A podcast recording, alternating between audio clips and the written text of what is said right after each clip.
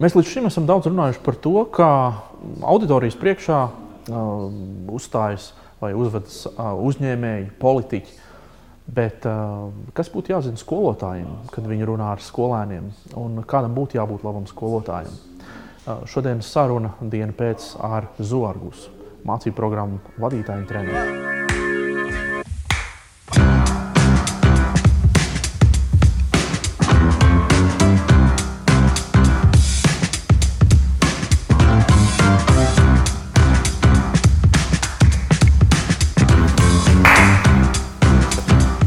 Diezgan tāds iedomājies, tikai viens aplauss. Vairāk nav tikai viens aplauss. Jā. Nu, viņš aplaudē, bet principā tikai viena aplausa nav vērts. Kaut kad varbūt zina, kā Nauris vienā brīdī varētu divreiz aplaudēt. Pašiem sev jāaplaudē. Esiet sveicināti. Uh, diena pēc podkāstu epizode ir klāta. Uh, mans vārds ir Kristaps Petersons. Tavs vārds ir kāds? Tur vēl aizdomājos pirms savu vārdu pateikšanas. Es arī padomāju, mans vārds ir Oskars Sprieda, un uh, mēs kopā vadām šo podkāstu dienu pēc un dienu pēc, tāpēc, ka mēs šodien strādājam, lai rītā mēs varētu tur ārā komunicēt uh, daudz augstākā līmenī un ar vārdu mēs. Es nedomāju, mēs trīs, bet tiešām visi mēs šeit Latvijā dzīvojušie. Un mūsu šodienas viesis, kā jūs redzat, droši vien atpazīstat, Zvargus. Uh, Cilvēks, sveiki, vīri, sveiki, vīri. Sveiki. sveiki visiem. Jā. Cilvēks, skatuve, cilvēks, komunikācija. Cilvēks mācības. Un cilvēks misija īstenībā. Jā, jā. Tas, misija. tas ir tas, ko es tevī visvairāk cienu un, un, un par ko tu, man liekas, arī pats lepojies. Un diezgan daudz publiski par to runā, ka tu strādā ar skolotājiem, tu strādā, lai, lai celtu, celtu šo te, kā tu pats saki, soft skills vai šo te Emocionāls intelekts. Emo, emocionāls inteliģences prasmes eh, Latvijā, un tā ir brīnišķīga lieta, ko dari. Varbūt ar to arī sāksim. Um, Kā tu līdz tam nonāci, kas nozīmē būt cilvēku priekšā, komunicēt ar viņiem pa īstam, varbūt nevis caur dzelzi, caur kameru. Uh, Un, un tos, tāds, tās tie milzīgie stresi, par kuriem tu arī publiski dalījies, un kā tas bija, ka tev bija nu, ļoti grūti sev pārkāpt, lai, lai tādu darbu darītu. Ļoti interesanti pateikt par to vārdu. Uh, nevis caur dzelzi vai caur kameru, ja, bet principā, kad tu esi klātienē. Jā. Un uh, es domāju, ka šeit ir ļoti īstenais stāsts. Mēs pirms tam ar Kristapu, kad tu biji izgājis, mēs sākām domāt par tām baiļu, baiļu jautājumiem, kas ir lielākais vispār izaicinājums nu, prezentēšanā, ar ko cilvēks saskarās. Uh, es principā gribētu sākt ar, ar paldies jums, Čaļi, tāpēc, ka man liekas, ka tas, ko jūs darat, Uh, un jūs cenšaties to darīt, man liekas, labā pasaules līmenī. Jūs cenšaties uh, iedot pēc iespējas vairāk auditoriju, šobrīd uh, skaidrs, ka jūs sakat ar uzņēmējiem un tā tālāk. Bet, kāpēc gribu milzīgi paldies jums pateikt? Tāpēc, ka pirms trim gadiem, nu, desmit gadus es esmu lektors un treneris. Pirms trim gadiem es saprotu, ka ir viena lieta, ko es visos treniņos principā uzdaros. Es uzdaros uz jautājumu, ka cilvēki nezina, kur viņiem dzīvē būt, ko viņiem dzīvē darīt. Mm. Un tad mēs sākām taisīt tādu kursu, atrodot savu aizraušanos un dzīves jēgu. Uh, dzīves jēga tādā uh, sense of greater good. Nevis vienkārši tur dzīves jēga, kas ir tāda, nezinu, mistisks, kaut kas mistisks vai dziļš un tā tālāk, bet vienkārši, kas ir, kur tu vienkārši dzīvē, dzīvē gribi būt, ko tu gribi darīt. Un ļoti daudziem cilvēkiem viena no lielākajām problēmām, kad viņi varbūt saprot, ka es gribētu būt varbūt, menedžers, es gribētu vadīt projektu, vai es gribētu būt uh vienalga, kur saskarsmē ar cilvēkiem, viņiem prātās bailes, un viņi mm. baidās kaut ko dzīvē mainīt. Tāpēc viņiem ir bailes publiski runāt, bailes publiski sevi, sevi, sevi kā, nu, uh, Parādīt, izpaust. Līdz ar to tā jūsu prasme, ko jūs dodat, ko jūs stāstat par to prezentēšanu, ir tik fundamentāli svarīga tieši latviešiem, kas ir principā diezgan introverti, noslēgti, bailīgi uz kļūdīšanās, diezgan ambiciozi Bailes kļūdīties, būt ambicioziem, pedantiem. Tas ir vienkārši tāds kombo savienojums. Viņš ir traks savienojums, kurā cilvēks kritizēs citus, viņš pats būs perfekts, pats nekļūdīsies, bet viņš neies ārā. Viņš tā kā neattīstīsies. Līdz ar to prasme, ko jūs, ko jūs dodat, ir fundamentāli svarīga. Un, ja kādreiz Mēs mūsu mācību platformu davīsim līdz tādai stadijai, par to, ka nu, it kā jau viņi strādā, mēs strādājam ar uzņēmumiem mūsu mācību platformā, kur mēs varam nu, online daudziem cilvēkiem iedot. Tad es ar lielāko prieku, ja mēs varam kaut kā izdarīt tā, lai jūsu tas, tā ziņa aiziet pēc iespējas vairāk cilvēkiem. Līdz ar to paldies, Čārlis. Perfekti. Paldies, paldies. Tas, silda sirdī un dod tādu enerģiju arī turpināt šīs lietas. Bet, nu, atgriežoties pie tevis, tu minēji par to bailēm. Tu teici, ka bija tāds diezgan pēkšņi tu atklāji jā. bailes. Tev, tev, kas... Man bija šoks, man bija reāls šoks. Uh, tad, iedomājieties, uh, es no 6 gadu vecuma esmu uz skatuves. Man, man māte ir aktrise, un uh, es kaut kādās izrādēs pie Māras Čimēlas Valmēras drāmas teātrī tur biju uz skatuves. Kaut kādās divās Māras Čimēlas izrādēs es biju kā skatuves 6 gadīgs, 7 gadīgs, 8 gadīgs bērns. Un tad nu, skolas laikā kaut ko tur, un tad, nu, kas tur bija televīzijas laiks, kurās tur bija, nezinu, tur es biju arī klātienē auditorijās, kas ir lielās, tur kaut kā desmit tūkstoši cilvēku auditorija. Man bija viena situācija, vienreiz, kad tā bija desmit tūkstoši auditorija. Tas bija kaut kādā laikā, kad kaut kāds pepsikols pasākums. Es vadīju to pasākumu, skonto hala laikam, prāta vētra, tur uzstājās kaut kāds īsts 17. tā laika, kaut kādi tur jaunieši, jaunieši kaut kādi tur. Es nezinu, kas tie eksēm, kas tur bija, kas mācījās staigāt ar biksēm pie potītēm un tā. Un, uh, respektīvi, man bija jāvada tas pasākums, un uh, kādā brīdī es tikai stāstu par to, ka man nekā nav bailes no auditorijas, man liekas. Jo man vienā brīdī kaut kādi cilvēki no zāles, nu, desmit tūkstoši cilvēku, koncertu vidū trīs cilvēki sāk bļaut, no vēlas bikses, no vēlas bikses. Un es, uh, nu, ko nu es noignorēju, no trīs bļaut, no desmit tūkstošiem kaut kāds sīkums. Tā, es tur piesaku to grupu vai kaut ko tur to paņemos, uh, nākušā pauze, es atkal nāku augšā, tur jau zina, kā sarēguši vairāk cilvēki. Tagad simts cilvēku bļaut, no vēlas bikses, tāds flashmops, nu, kaut kas samlīdzīgs. ok, es noignorēju, kas tur ko tur, un tad es nāku trešo reizi, un es domāju, kas būs. Vai viņi būs inficējuši ar vīrusu vēl tur pāris cilvēkus. Un es nāku augšā, un um, man liekas, ka apmēram kaut kāda ceturtā daļa no zāles bija. Apmēram 2500 cilvēki bija par to novēlts, bikses. Un es skatos, ka tu nevari to ignorēt. Tev ar to jādarbojas, tur kaut ko tur jokojas, kaut ko tur izķemrējos, paķemrējos. Tev bija laiks arī izdomāt. Jo. It kā jā, bet zini, kas tas, tas ir? Stāsts par tām, tā tām kazām, kuras tēlo, ka viņas novīstās, viņi jau ir nokrīt uz sāniem, tā kā tas beigtas. Nu, un es saprotu, ko man darīt. Un tad es nāku vēl ceturto reizi ārā, nu, tur bļauju, mēs mazliet visi zālē jau. Un ko es darīju? No Ubiks. Par laimi man bija apakšbiks, respektīvi, man tāds, bija tāds bonus. Es vienkārši ļoti labs dīzeļu džins bikses biju. Un tad man čops vēl brīnījās, kad brīdī viņam zvanīja, klausies, var atbraukt man precīzi pēc konferences, es tā koncertu atbraukt precīzi, kas paliek. Man nav bikses vienkārši. Tagad viņas novelk un iemetu auditorijā. Jā, protams, es um, voks populis. Kā līdz, līdz galam, jā. jā. jā. Un, respektīvi, zināmā mērā, tiešraidēs ir kaudzēna. Tu kā esi bijis, ja tiešraidēs daudz un tā tālāk. Un es esmu bijis kaut kādās tiešraidēs, un tu esi bijis kaut kādās vien tiešraidēs un tā. Un tad bija situācija, ka es neatceros, cik man bija gadi. Man bija pirmā lekcija, kurā man par to arī maksāja kaut kādu naudu. Un es trīs dienas nevarēju aizmigt. Es nevaru aizmirst, tāpēc, ka man bija pilnīgi kaut kāds jauns stress par to, kā man ir vērtējis tieši nevis šī aspektā, ko tu teici, ar dzelzceļiem un ar kameru, vai vispār es esmu kaut kādā šovu biznesa elementā, mm. bet es esmu cilvēks kā cilvēks. Es iznāku kails ārā, un es tikai pēc tam, pēc šiem visiem desmit gadiem, ko es esmu bijis kā lektors, saprotu, ka viena no pirmajām lietām, kas man kā lektoram ir, man jāstāsta par savām kļūdām, mm. ko es nemāku. Es nedrīkstu tēlot gudro, ja es nestāstu par savām kļūdām. Un tas ir mans pamat uzdevums. Man bija tādas bailes. Trīs dienas nebija gulējis. Un es kā, tas, piecdesmit tajā trešā dienā kaut kādu stundu naktī pagulēju, un tu ej uz to, uz to lekciju, domāju, apsigrozīt. Nu, tad šito es noteikti nedarīšu. Nu, šito es noteikti. Šitā nav Šis mana nav lieta. mans. Šis tas nav mans. Nē, Exactly. tādu cenu negribas maksāt. ne? Protams, nu tā. Un re, ka tas interesants paradoks tieši ar to, ka tā publiskā kaut kāda tā uzstāšanās nāk no dažādām pusēm, kā tev vērtē. Un tur ir tik ļoti dziļa tā mūsu nervu sistēma, ar limbisko sistēmu, no smadzenēm tur tā saslēgta, ka vienkārši viņi spridzina tev brūno salūti, ja drīkst tā izteikties. Un tev vienkārši viss iet pa gaisu, un to savākt tur vajag būt tādam asinizācijas, meistaram. Nu tā. Ļoti labi.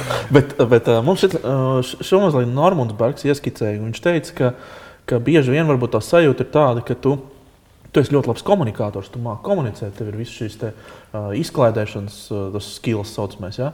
Bet kas tev nav? Tev nav tā pamata, tev nav tās zināšanas. Un tajā brīdī, kad tu saproti, ka tev nav tās zināšanas, var mm. iestāties šīs bailes.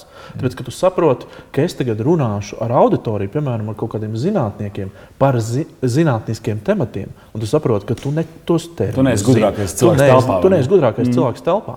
Jā. Varbūt ka tas ir tas mirklis, kurā brīdī tev ies, ieslēdzās vienkārši tas, ka, jo redzi, nu, skaidrs, izklaidēt auditoriju tā, tev pateiks, tu esi labs vai tu esi slikts.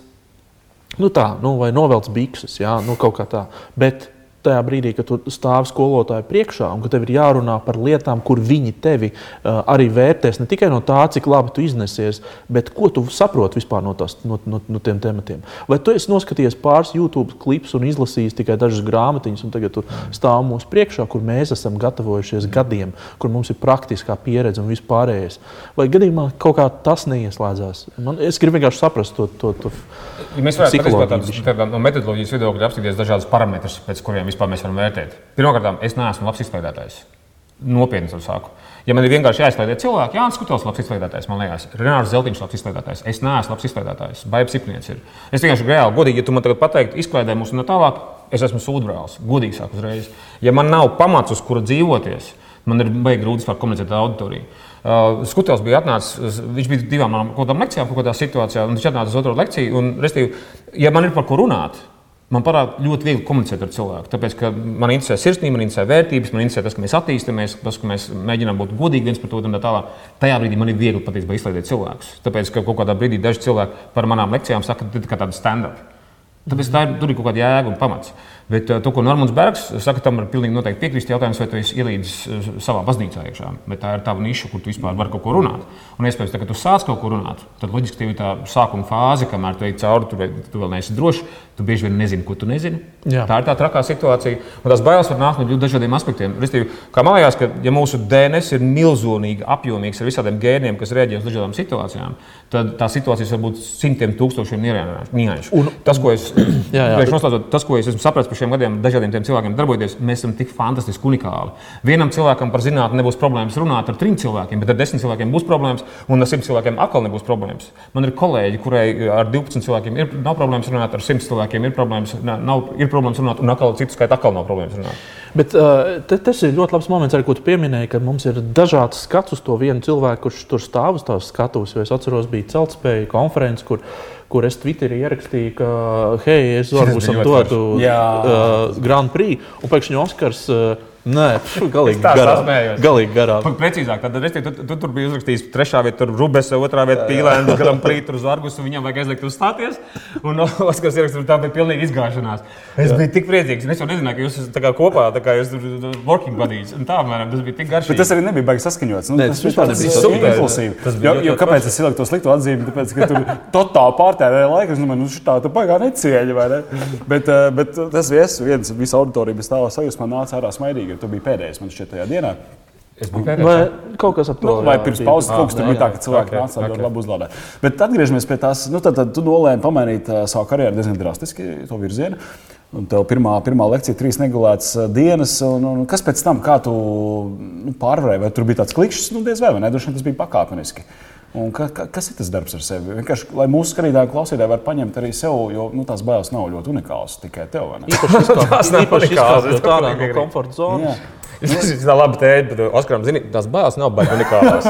Tiešām, uh, respektīvi, man liekas, tas ir viens vārds dīvainā kārtā, kas ir tāds pilnīgs blindspots sabiedrībai. Ziniet, ka uh, es nezinu, no kā nav vārds blindspots.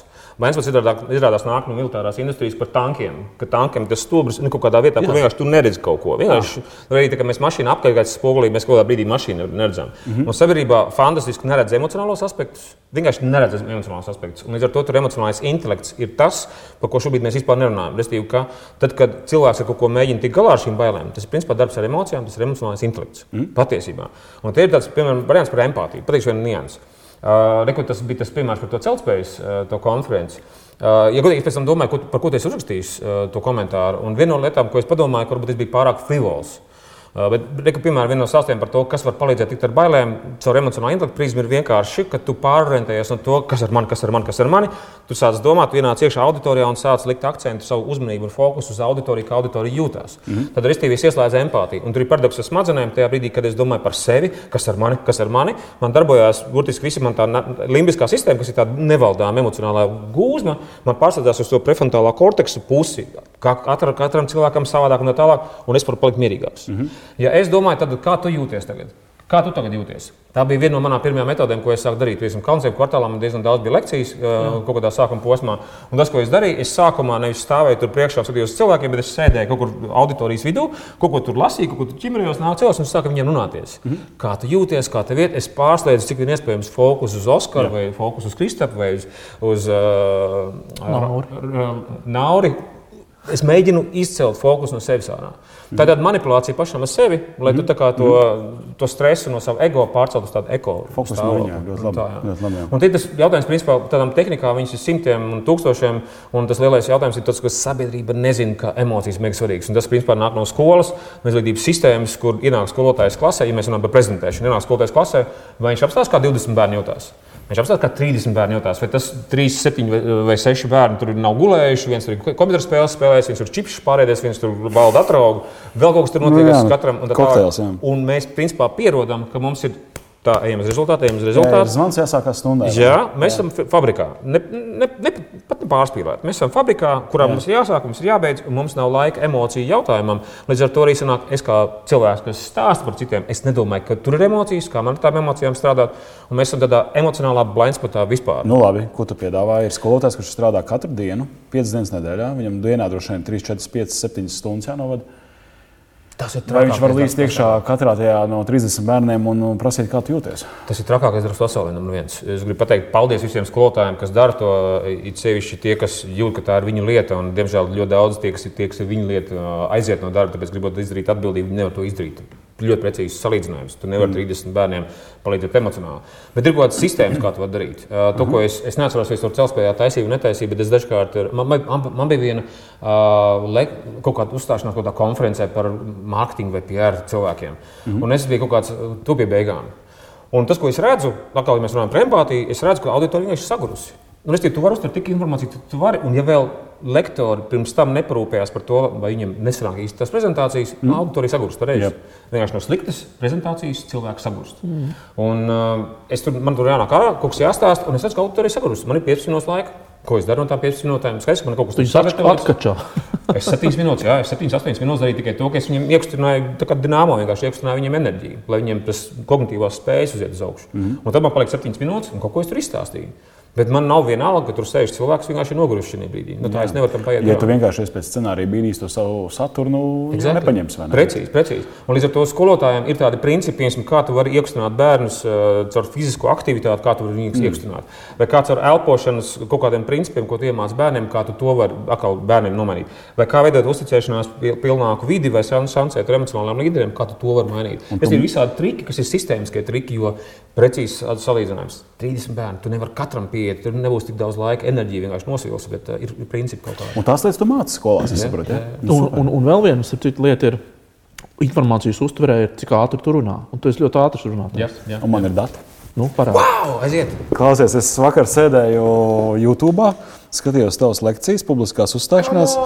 Un uh, skaitīju vārdus minūtē. Jo informācijai cilvēks var uztvert apmēram 300 vārdus minūtē, uztveres līmenī. Tas ir 5 vārdi sekundē. Ja?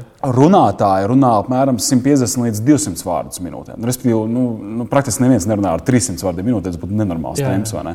Respektīvi, tas stāsta par to, ka, ja tu runā ar 150, 200 vārdiem minūtē, tad cilvēka uztveres tā kapacitāte ir pietiekama, lai domātu vēl blakus lietas. Mm, okay. Tā kā savā ziņā tas, ka tu runā ātri, pat ir labi, tu aizņem vairāk viņa to neokorteksu, jā, vai, vai ko tu. Nu, lūk, zini, kā tev rezultāti ir. Man liekas, ka ir, būs nu, vairāk to vārdu minūtē, bet nav nemaz tik daudz. Es trīs atsevišķus fragmentus paņēmu. Vienā bija 159 vārdi, Wow! vienā bija 176 Tu vārdi, un vienā bija 197 vārdi minūtē. Nu, tā.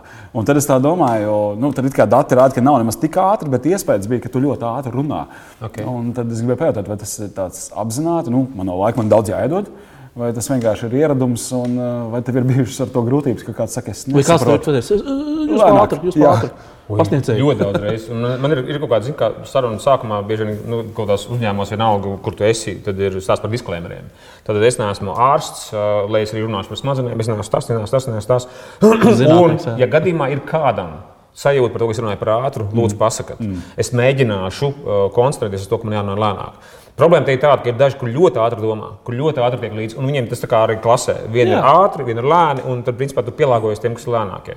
Uh, bet, uh, rekur atbildi uz tavu jautājumu, principā, ir bailes. Uh, man bērnībā vienā brīdī bija sajūta, ka es sāku šausmīt valodu. Un tā raustīšana uh, bija no tā, ka es runāju, un man ļoti bail, ka man nedzirdēs un negribēs klausīties manī. Un es sāku vienkārši ātrāk bērt vārdus, lai iespiestu līdz tam brīdim, kad viņš ielūgs elpu un sāks runāt, lai es pagūtu savu pateikt. Mm. Un tas vienkārši, principā, viena no lietām, ka nāk no nu, tā kā bija šī kompleksa līdzi no bailēm. Un, uh, kad es esmu ar cilvēkiem, respektīvi, viena no lietām par empātiju runājot, arī, ka tu mēģini pielāgoties sarunu tempam. Dažkārt ir cilvēki, kuriem ir lielāks stress, es runāju lēnāk. Ja ir vēl sarežģīta situācija, kādām negācijām, es runāju klusāk. Es mēģinu pielāgoties. Uh, bet skaidrs, ka tādā dabiskā atmosfērā, kā mums šeit ir, ka mēs esam noķicinājušies pirms vēl uh, mūsu pasākums ir sācies, mm. es, es kādā savā dabīgajā tempā un es runāju ar jums uh, dabīgajā ātrumā. 388 vārdu minūtē. Jā, bet citās konferencēs trīs atsevišķus fragmentus skatījos. Bija tas, ka faktiski tas, kas tev nu, tā kā izglāba savā ziņā, bija diezgan pagaras pauzes.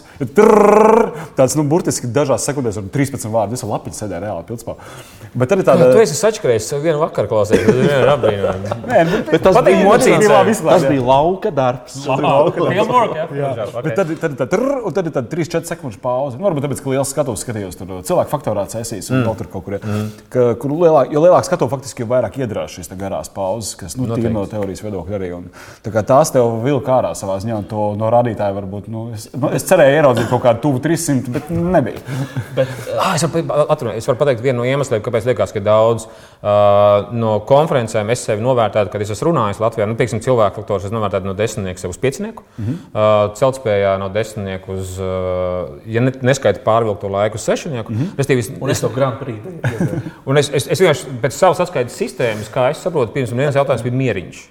Restīvi, man ir, es esmu ļoti augsts trauksmes cilvēks. Mm -hmm. Es ieeju cilvēkos, un es varu tēlot pilnīgi mierīgi, un man nevar nolasīt varbūt, kaut kādas emocijas, bet man ir ļoti augsts trauksmes. Es to ļoti ilgi neapzinājos.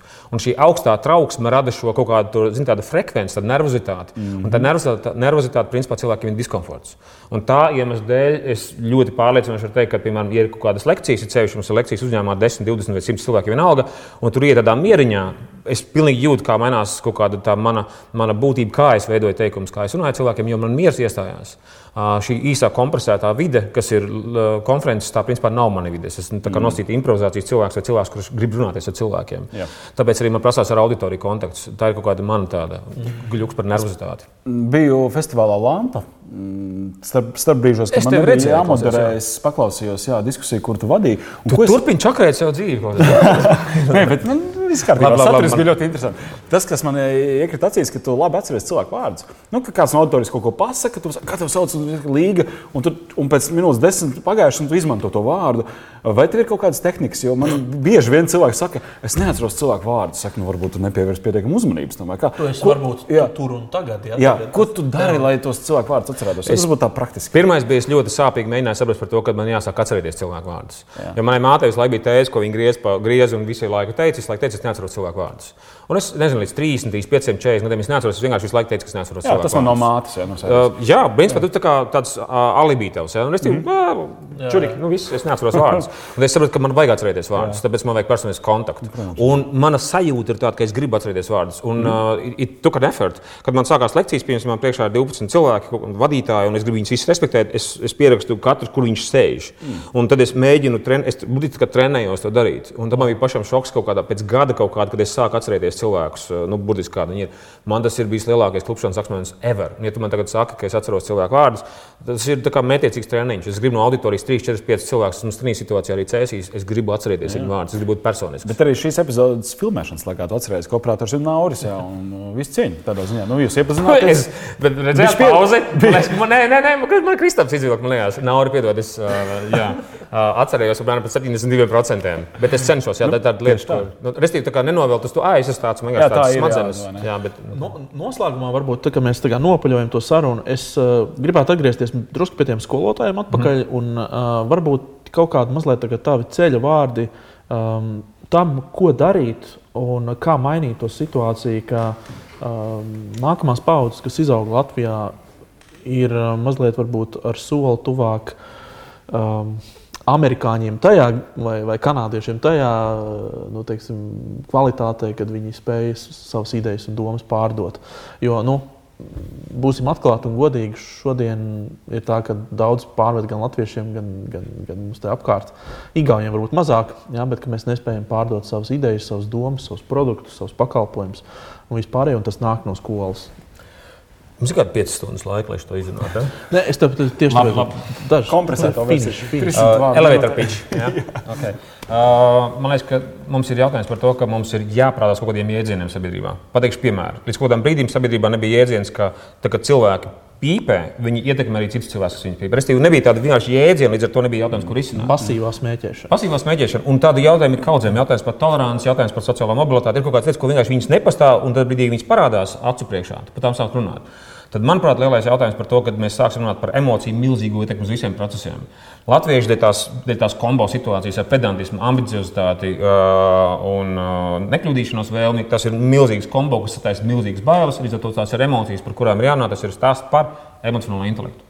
Kamēr mēs nerunāsim par emocionālo intelektu, uh, mēs nevaram tikt ne, ne pa labi, ne pa kreisi. Cilvēks ir ieslēdzies tur, kur viņš ir ieslēdzies. Viņam ir bail riskēt, bail spērt solīt pa kreisi, bail mainīties. Un šī ziņā es laikam varētu pateikt par to, ka pasaulē ir ļoti maz valstis. Es arī negribētu teikt, ne amerikāņi, ne kanādieši, kur viņi kaut kur beig priekšā. Varbūt Singapūra priekšā ar to, ka viņiem ir intelektīvas izglītības sistēma apmēram līdz septiņiem. Bet, principā, ja mēs ieliksim to fokusā, ka to emocionālo intelektu mēs varam palīdzēt skolotājiem, Ļoti daudz skolotāju ir izdeguši, depresijās, lieto antidepresantus. Ļoti, ļoti grūta situācija viņiem ir. Ka viņiem vajag palīdzēt ar emocionālo intelektu. Tas ir stresa vadība, emociju, komunikācijas prasības. Skolotāji ļoti baidās no vecākiem. Viņi ir izdeguši. Nu, Iedomājieties, tavs bērns iet uz skolu, un tur ir izdegusi skolotājs. Nu, ko viņš var izdarīt? Restīvi, mums ir emocionāls intelekts arī skolotājiem kā palīgs lai viņš var palīdzēt to pašu iedot arī bērniem. Un šim visam procesam jāsākas no augšām. Paldies tev, un es, eh, es tikai varu beigās pateikt to, ka es ļoti daudz ko ietekmējos, un es no tā, ko tu savā lekcijā stāsti, šādas tādas lietas es paņēmu sapņus mm. iekšā, un, un varbūt mazliet citām mērķiem. Super, ļoti labi. Iekšā, jā, tā kā, ne, es uz tevi atsaucos, tas nav tā, ka es to. Vari neatsākties, vai vecīgi, neviena ideja, taču nav kaut kur piesiet. Nē, nu, tas tā ir, tas tā ir. Labi, uh, finišējam, citādi mums jātaisa, būs otrā sērija ar, ar viņu. Uh, Um, uh, Zorgs pie mums ciemos, liels prieks, uh, liels gods. Un uh, tiekamies mēs ar jums nākamā nedēļa. Uh, rakstiet mums vēstules, mums patīk jūsu dzējoļi. paldies! Atā, paldies! Atā.